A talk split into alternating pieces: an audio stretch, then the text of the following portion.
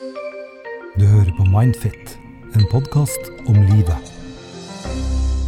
Velkommen til Mindfit uh, atter en gang. Dette er den 83. gangen jeg sier hei, Janne. Hei, Nils. Og så kan vi også si hei, Elinor. Hei. Hyggelig å ha deg tilbake. Takk for det. takk for det Du har uh, vært i uh, på, heter det, Gran Canaria. Og du har da vært i karantene. Ja, det har jeg. Det er deilig å være litt hjemme, er det ikke det? Jo. jeg må si at jeg er en av dem som eh, klarer meg veldig godt i karantene. Så det, og det har eh, gått greit også med en hjemmeskole med en tiåring og en mann med hjemmekontor også. Så har det gått forbausende greit, da. Stort hus, du altså. Eh, ja Jo, to etasjer, så det har eh, Det hjelper. Hvem er, Ja. hvem er det som blir sendt til en uh, ensom etasje? Er det sønn, eller er det Altså, mann? det er mor og sønn som er nede og regjerer og har hjemmeskole. da Og det kan jo være en prøvelse, selvfølgelig. Så, eh, så jeg tenker nok, jeg håper virkelig at jeg er en bedre psykolog enn jeg er lærer, faktisk. Men ditt fagfelt er jo familieterapi. Og det er ganske spesielle tider når veldig mange mennesker må eh, i hermetegn bli tvunget til å være veldig nær hverandre over lang tid. Ja. Hva slags utfordringer kan eh, en karantenetilværelse gi til par og familier? Altså, det kan jo gi en uendelighet av utfordringer. Altså det som man så, altså Nå lå jo- nå ligger jo vi litt etter Kina. Så det man har sett i, i Kina, det er jo det at eh, skilsmissesøknadene gikk opp noe enormt etter det utbruddet. Etter den karantena og det da. Da sveisa de jo igjen døren, og det også. Folk ble jo eh, Så de hadde altså 300 søknader på tre uker, visstnok, på det her kontoret. Men eh, bare før du går videre der, er ikke det litt som å spise ribbe på julaften, og så knekker du en tann? Altså, da, da, Den tanna hadde knekket uansett. Så det, det er greit at det skjer på julaften. Er det ikke noe av det samme hvis man ikke fikser å være sammen i 14 dager, og så har lyst til å skille seg, så er det egentlig bra at de bare gjør det? Jo, altså par som, som strever, for dem kan det bli ekstra krevende. Eh, eh, altså, fordi at å være sammen på en sånn lite, altså, lite område, og, og det har, stiller ganske store krav til, eh, til samarbeid. Og, og når man er så nær og så mye sammen, så kan alle de her underliggende konflikter man har fra før, altså man klarer å regulere til en viss grad med avstand, de kommer opp nå. Og eh, jo mer man er sammen, jo mer eksponert er man for irritasjonsmomentene. Altså forskjellene mellom partene som er der fra før, de blir enda, mer, enda tydeligere. Og, eh, og i tillegg så har vi de her eh, dypere, skjulte konfliktene altså, som kanskje er der, og de setter i gang de her overfladiske konfliktene. Altså hvem skal ut med søpla, hvem skal gjøre det, osv. osv. Så, eh, og så har man jo også det her at, at man skal jo prøve å balansere f.eks. jobb og hjemmetilværelse, gjerne samtidig på en gang. Man skal være lærer, man skal ha alle de her rollene. Og da kan det jo hende at man har hatt et videomøte, og f.eks. at utstyret ikke faller på plass med en gang, eller et eller annet invitasjonsmoment. Og det har sånn carryover. Altså du tar med deg det inn til samspillet med partneren, og så klikker det. Jeg har jo hatt en del videomøter på jobben, jeg også, med eksterne. Og det kan jo godt hende at de tenker på det samme som meg, men det er utrolig eh, mye rare bakgrunner å se. Eh, så noen ganger så Når du da snakker med et menneske i en offisiell eh, anledning, og så kan du nesten ikke ta vedkommende helt seriøst, for at det er bare veldig rare ting som er, som er, er bak. Så man eksponerer jo på en måte hjemmet sitt til andre mennesker, og det kan man også krangle om. Ja, altså det kan jo, man kan jo si at det blir en annen intimitet over møtene. Altså sitter du i sov, på soverommet f.eks., sitter du på badet. Altså hvor, har du, hvor stor leilighet har du, hvor må du sitte hvor kan du få dempa lydnivået? Altså. Og så har du jo selvfølgelig barna da, som kan bryte igjennom ved passende og upassende anledninger. Og de skal jo ha skole også, og det, så det er en del sånne praktiske utfordringer. Vi har jo to spørsmål som, som passer ditt fagfelt. Eh, Men bare før vi går inn på det Vi har jo da ikke hørt noe fra, fra Janne i det hele tatt, men det betyr at du er enig? Du, jeg syns det her var veldig fint å sitte og slappe av og høre på Elinor. Det har jeg gleda meg til. uh, eneste jeg tenkte på, var mine ut Jeg har jo hatt utfordringer i denne karantenetida. Vet du hva det er, Nils? Uh, nei. Du vet jeg har fått meg katt. Det stemmer det. Den har egen Instagram-profil, og jeg Ja. spør ikke om adressen en gang til. Nei. Men Leo da, han er jo ikke så gammel ennå. Så min store utfordring er For at jeg har jo hjemmekontor, så jeg har jo seks-sju avtaler om dagen. Det er veldig trøkk.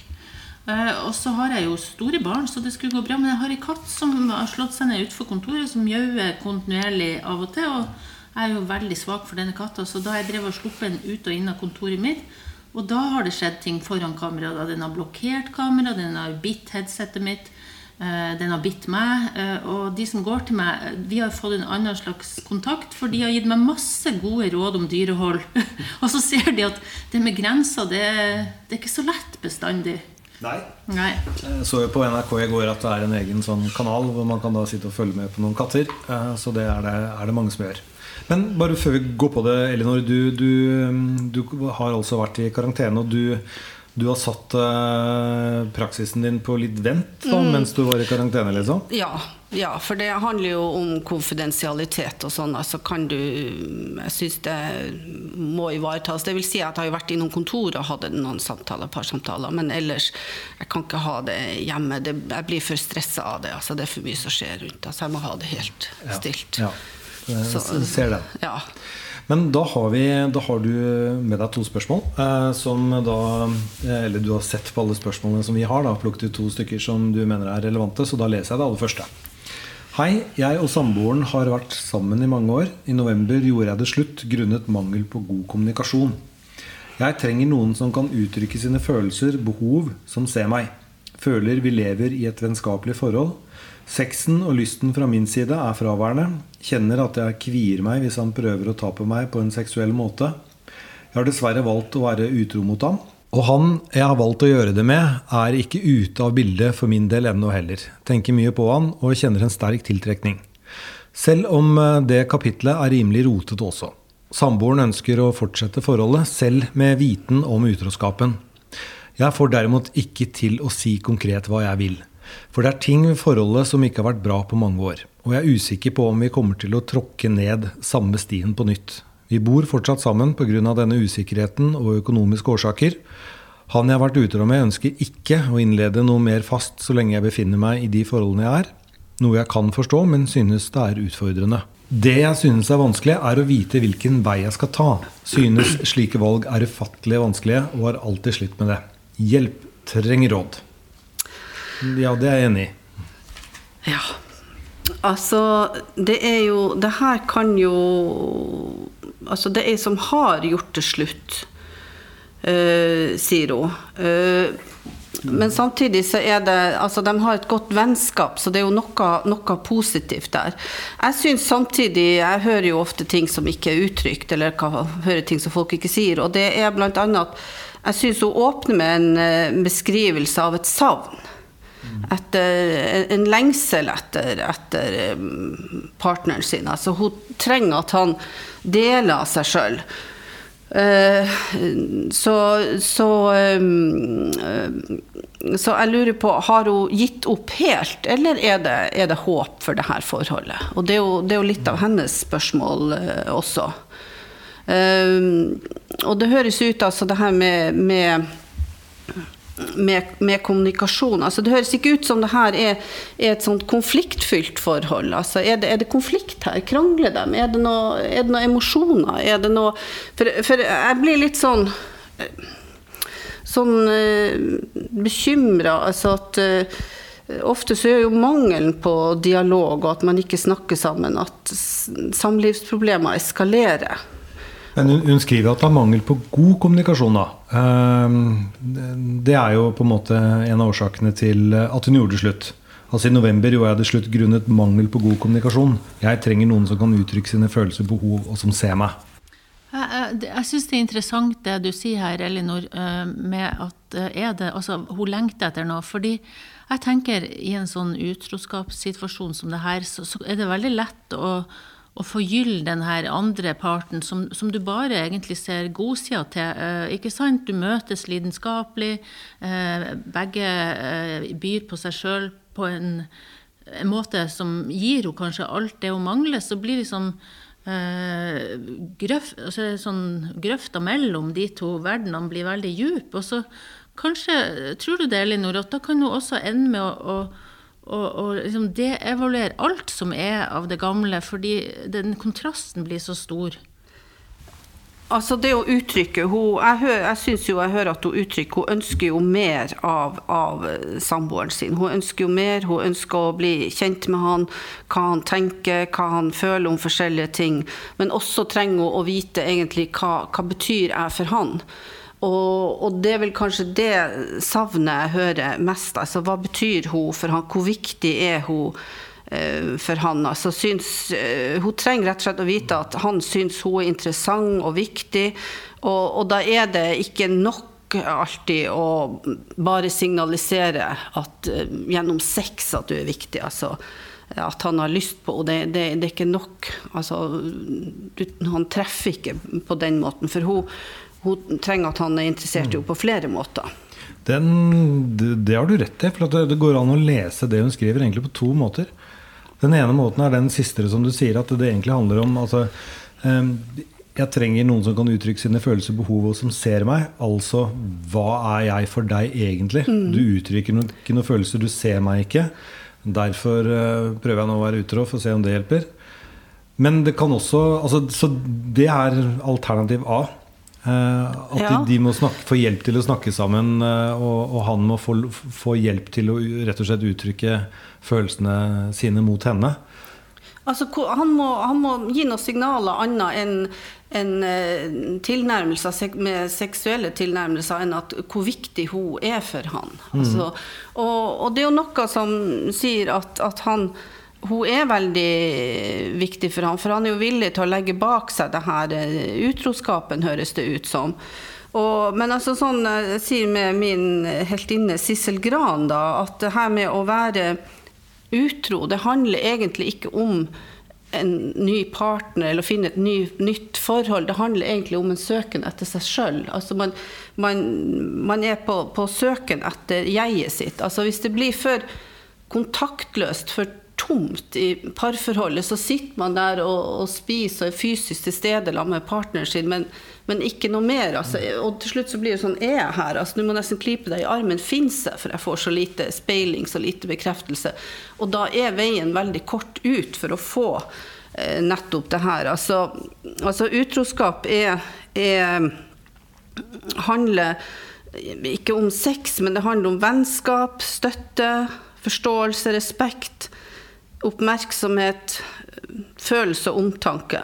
Altså Mister man denne følelsen av nærheten, så mister man også kontakten. Og det høres det ut som hun har gjort. Hun har mista kontakten med, med samboeren sin. Og, da, og, vi er avhengig av kontakt. Vi trenger å bli sett. Mm. Og, og, da er veien kort ut. Mm. Uh, en kommentar der? Ja, eh, for jeg tenker også på eh, hvem en Altså hvor mye bekreft altså, Hvis du ser det fra andre sida igjen, da, for vi snakker jo mye om hva han kanskje må tilby henne, men så tenker jeg altså, Hvem er hun oppi det her? Fordi det er jo noe spennende. Det kan være noe spenningssøkende i å være utro òg, som gir veldig kick, tenker jeg, da. Eh, og det kan også være noe lengsel etter noe som hvis du tenker hvordan folk har hatt det i oppveksten nå, altså Har du fått eh, bekreftelse sånn som du trenger det, ubetinga, eller har du bare liksom fått det av og til når det passer seg, hvis du skjønner best når du presterer på en bestemt måte? Sånn at du er veldig sårbar for det her med å bli veldig anerkjent, sånn som du kan bli i et sånn type utroskapsforhold. Og så tenker jeg at dette ville jo ha mista glansen ganske mye hvis du skulle vært sammen med den du er utro med hele tida, skulle jeg tro. Mm. Da kommer jo hverdagen. Ja, hverdagen eh, kommer. Men det er en alternativ B her òg. Og det er rett og slett at de har vært sammen i mange år. Og så har det glidd over mm. til å mm. bli et vennskapsforhold. Ja. Ja. Det er ikke noe gnist. Nei. De har egentlig ikke lyst mm. til å ha sex eller noe som helst, men de kan godt fortsette å være venner. Og de er tvunget til å bo sammen, kanskje mest pga. økonomiske årsaker, som hun også nevner. Mm. Så ja, det er vanskelig å egentlig mene noe konkret uten å sende henne til Stjørdal og ta en konsultasjon med deg, tror jeg. Ja, altså de, de, burde jo, de burde jo ha en prat. Det bør de jo eh, absolutt ha. Altså eh, Altså, hva, hva, hva han, altså, han er jo ganske altså, Jeg får jo ikke noe negativt inntrykk av han. Han er jo ganske, altså, De er venner.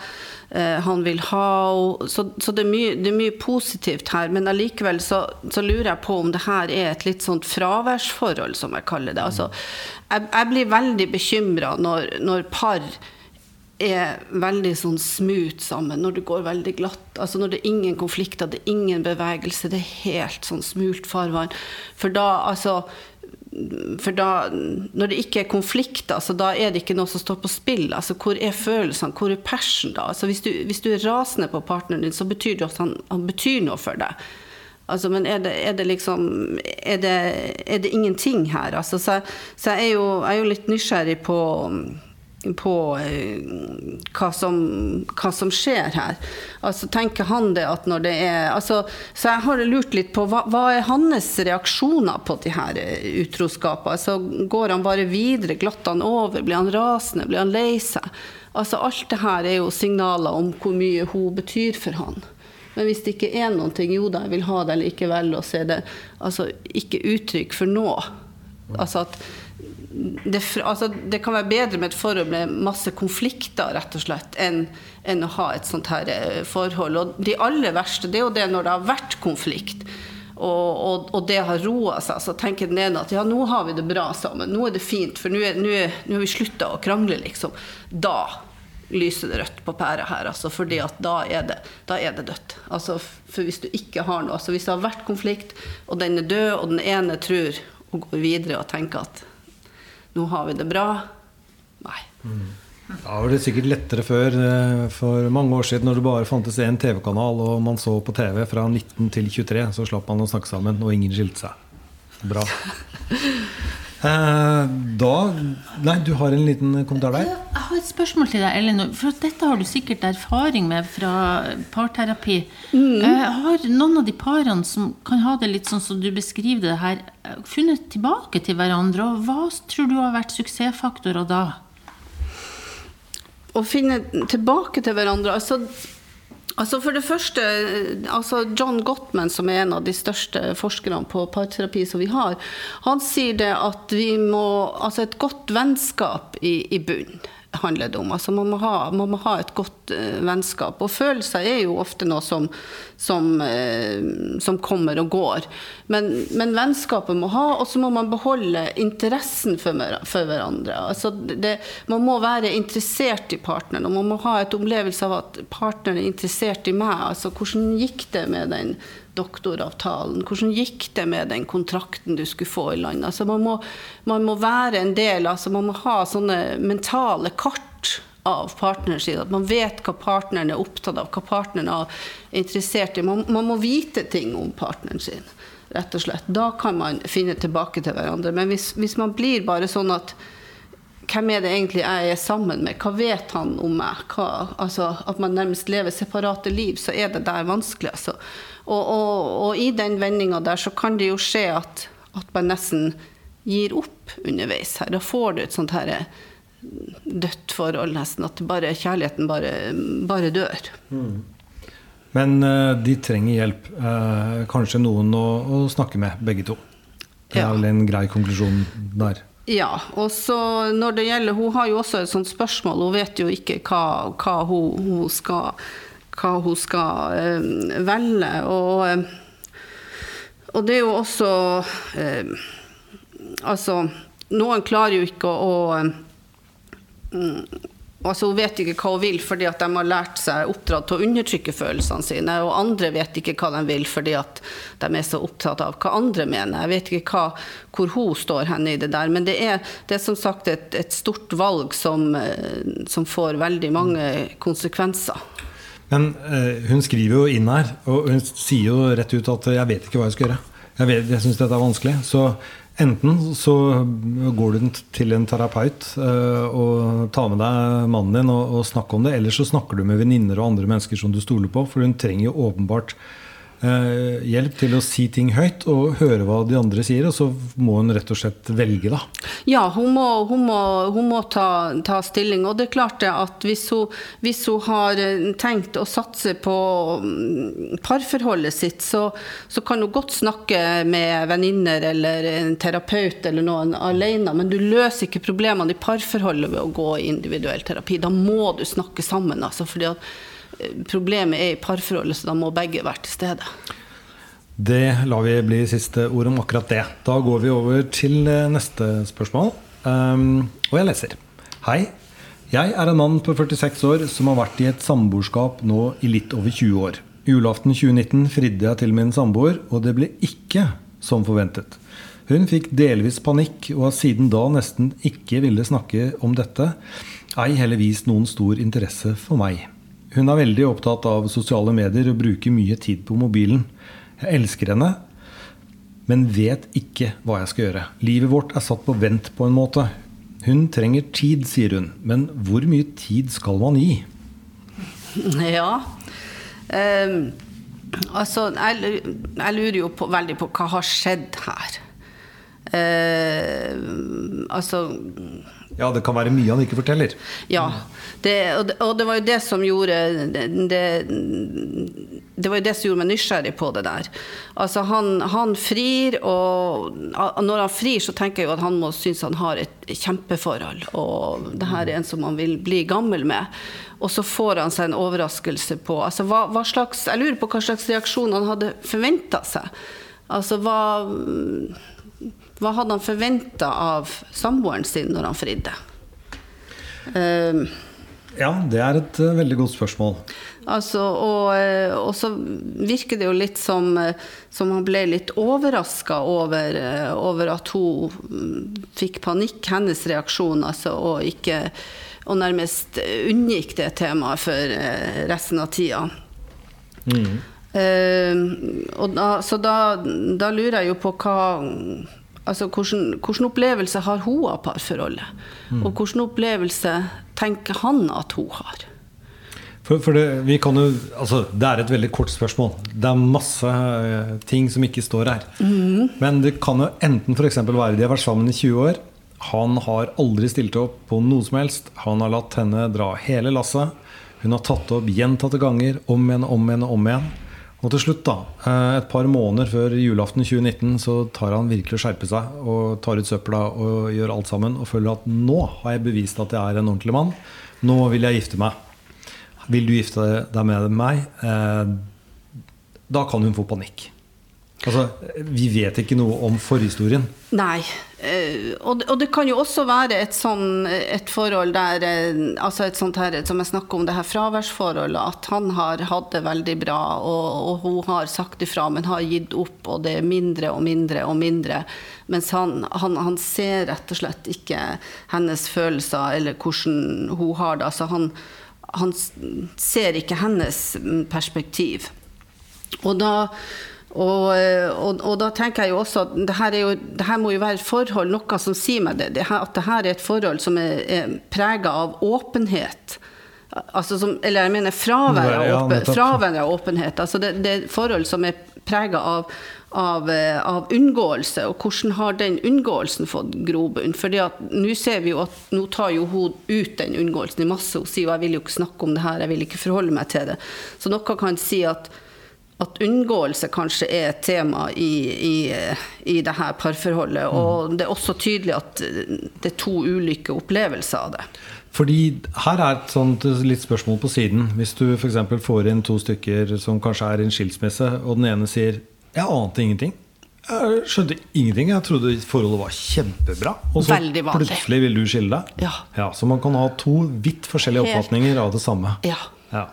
Og da er det som regel den ene har mer eller mindre åpent prøvd å si fra og ta tak i det her og, og, problematisere at det her går ikke greit. Og det kan jo hende de ikke har så tydelige signaler, og det kan jo også hende at partneren ikke oppfatter det, men i hvert fall så er det ofte at det er sånn wow, sånn lyn fra klar himmel.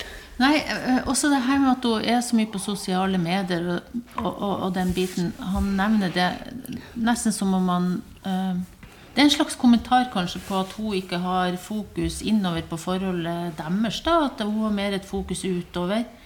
Jeg kom på en historie fra Bodø når jeg vokste opp eh, på 80-tallet. Eh, For da husker jeg det var et par som vi alle syntes var det perfekte par. Og så fridde de, og så gifta de seg. Og så husker jeg det gikk ei uke eller 14 dager, og så var de eh, separert. Vi, vi var jo så sjokkert alle sammen, for det her var noen som var noen år eldre enn oss, som vi syntes var liksom det perfekte par. Så tenkte jeg ja, kanskje det kan være en sånn siste krampetrekning noen ganger, det her at nå skal vi gifte oss. ikke sant? Og så desperasjon for at du merker at den andre egentlig er på vei ut allerede. Så jeg spør jo Elinor litt. Du nikker i hvert fall, Nils.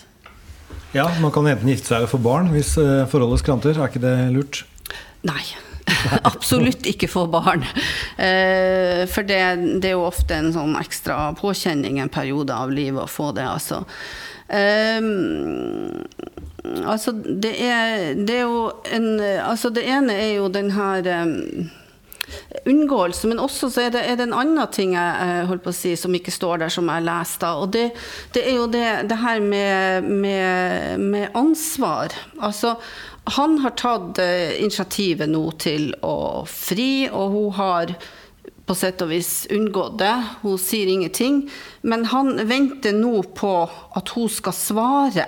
Altså han, han har eh, liksom lagt ansvaret over på henne at nå henger det her på deg om vi skal fortsette eller ikke. Altså han, han, tar ikke noe initiativ. Han er veldig avventende i forhold til henne. Det er også et mønster som ligger her. Altså en sånn, den her, eh, altså den her, jeg syns jeg fornemmer en slags passivitet her. Men- at, eh, at Altså Ja, eller omvendt. Eh, nå leser vi jo veldig mye inn i dette her, da. Hun trenger tid, sier hun. Da tolker jeg inn det at de har pratet.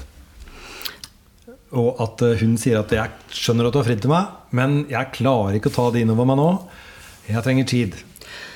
Men når han, det høres ut Hun har, fikk delvis panikk og da nesten ikke ville snakke om det. Det, det står det også der. Hun har ikke ville snakke om det. Hun har, hun har unngått å snakke om det. Altså. Mm. Det er jo hans opplevelse at hun unngår å ta det opp. Og, og det, kanskje er, det kanskje er riktig, for han, han sitter nå bare og venter på hennes utspill, at hun skal si helst ja. Og det, og, og det gjør også at, at eh, nå får du bestemme om vi skal gifte oss, liksom. Og da kan det hende at hun kjenner på det for, for mye. Men det er ikke Hvis vi nå bare tar det helt bokstavelig, det han skriver, så ville jeg vel sagt at jeg tror ikke at den eh, rette forklaringen på hennes eh, vegring er at eh, hun ble så slått i bakken. For det, hun har forventet å bli fridd til i over 20 år, og nå skjedde det. Så nå må jeg bare få igjen pusten, og det tar liksom tre måneder før jeg selvfølgelig svarer ja. Altså det har skjedd noe. Og sannsynligheten er vel større for at de ikke kommer til å bli gift, enn at de blir det. Hvis vi bare leser nøyaktig det han har skrevet. Ja, altså det er jo, Han unngår jo han nå, for han altså hva, hva, hva, hva forteller hennes svar da? At, at hun blir overvelda og får panikk i stedet for å si ja? Altså Hva, sier det? Altså, hva sier det han, altså? Ehm, så jeg tenker jo at eh, han har nå tatt initiativ til å fri.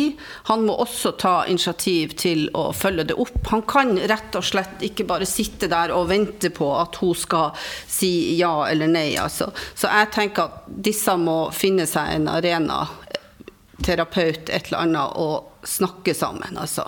Så her tenker jeg at dette må vi få avklart. Ja.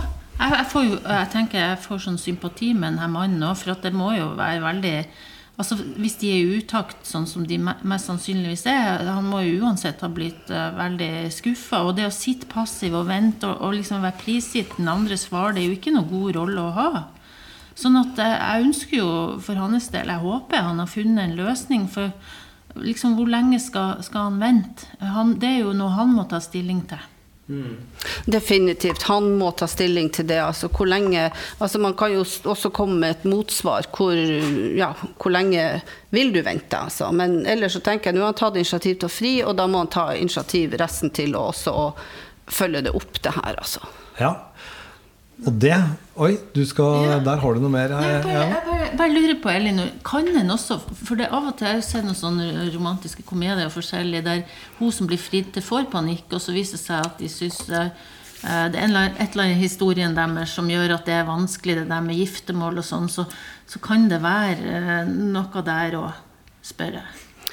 Altså, Nå er det jo noe som han skriver her, at uh, hun har ikke villet snakke om det heller, eller vist noen stor interesse for han. Det er jo ikke akkurat et godt tegn, da. Nei. Jeg håper at det løser seg. Eh, Det er kanskje at vi jurs på å ta dette spørsmålet litt sent. Det er jo over en måned siden det har blitt sendt inn. Eh, Vi får veldig mange spørsmål, det er vi veldig glad for. Men noen ganger så betyr det at det tar litt tid før eh, vi klarer å svare på en del av spørsmålene. Så er det også ganske mange spørsmål vi baker sammen. Da. Så vi håper egentlig at eh, selv om ikke ditt spørsmål har blitt lest opp, så liksom hører du at vi nesten har svart på noe av det samme. Elinor, det var kjempehyggelig å ha deg her. Og neste gang er det altså nummer 84. Takk for at jeg fikk komme. Bare hyggelig. Og det har vært veldig varmt vær i Trondheim i dag. Første vårdagen. Og jeg var ute og spiste en softis, og den har nå begynt å størkne på barten min, og det lukter surmelk. Så ja, ha det, må vi si. Ha det. Fra Janne. Ha det bra fra Elinor. Du hører på Mindfit, en podkast om livet.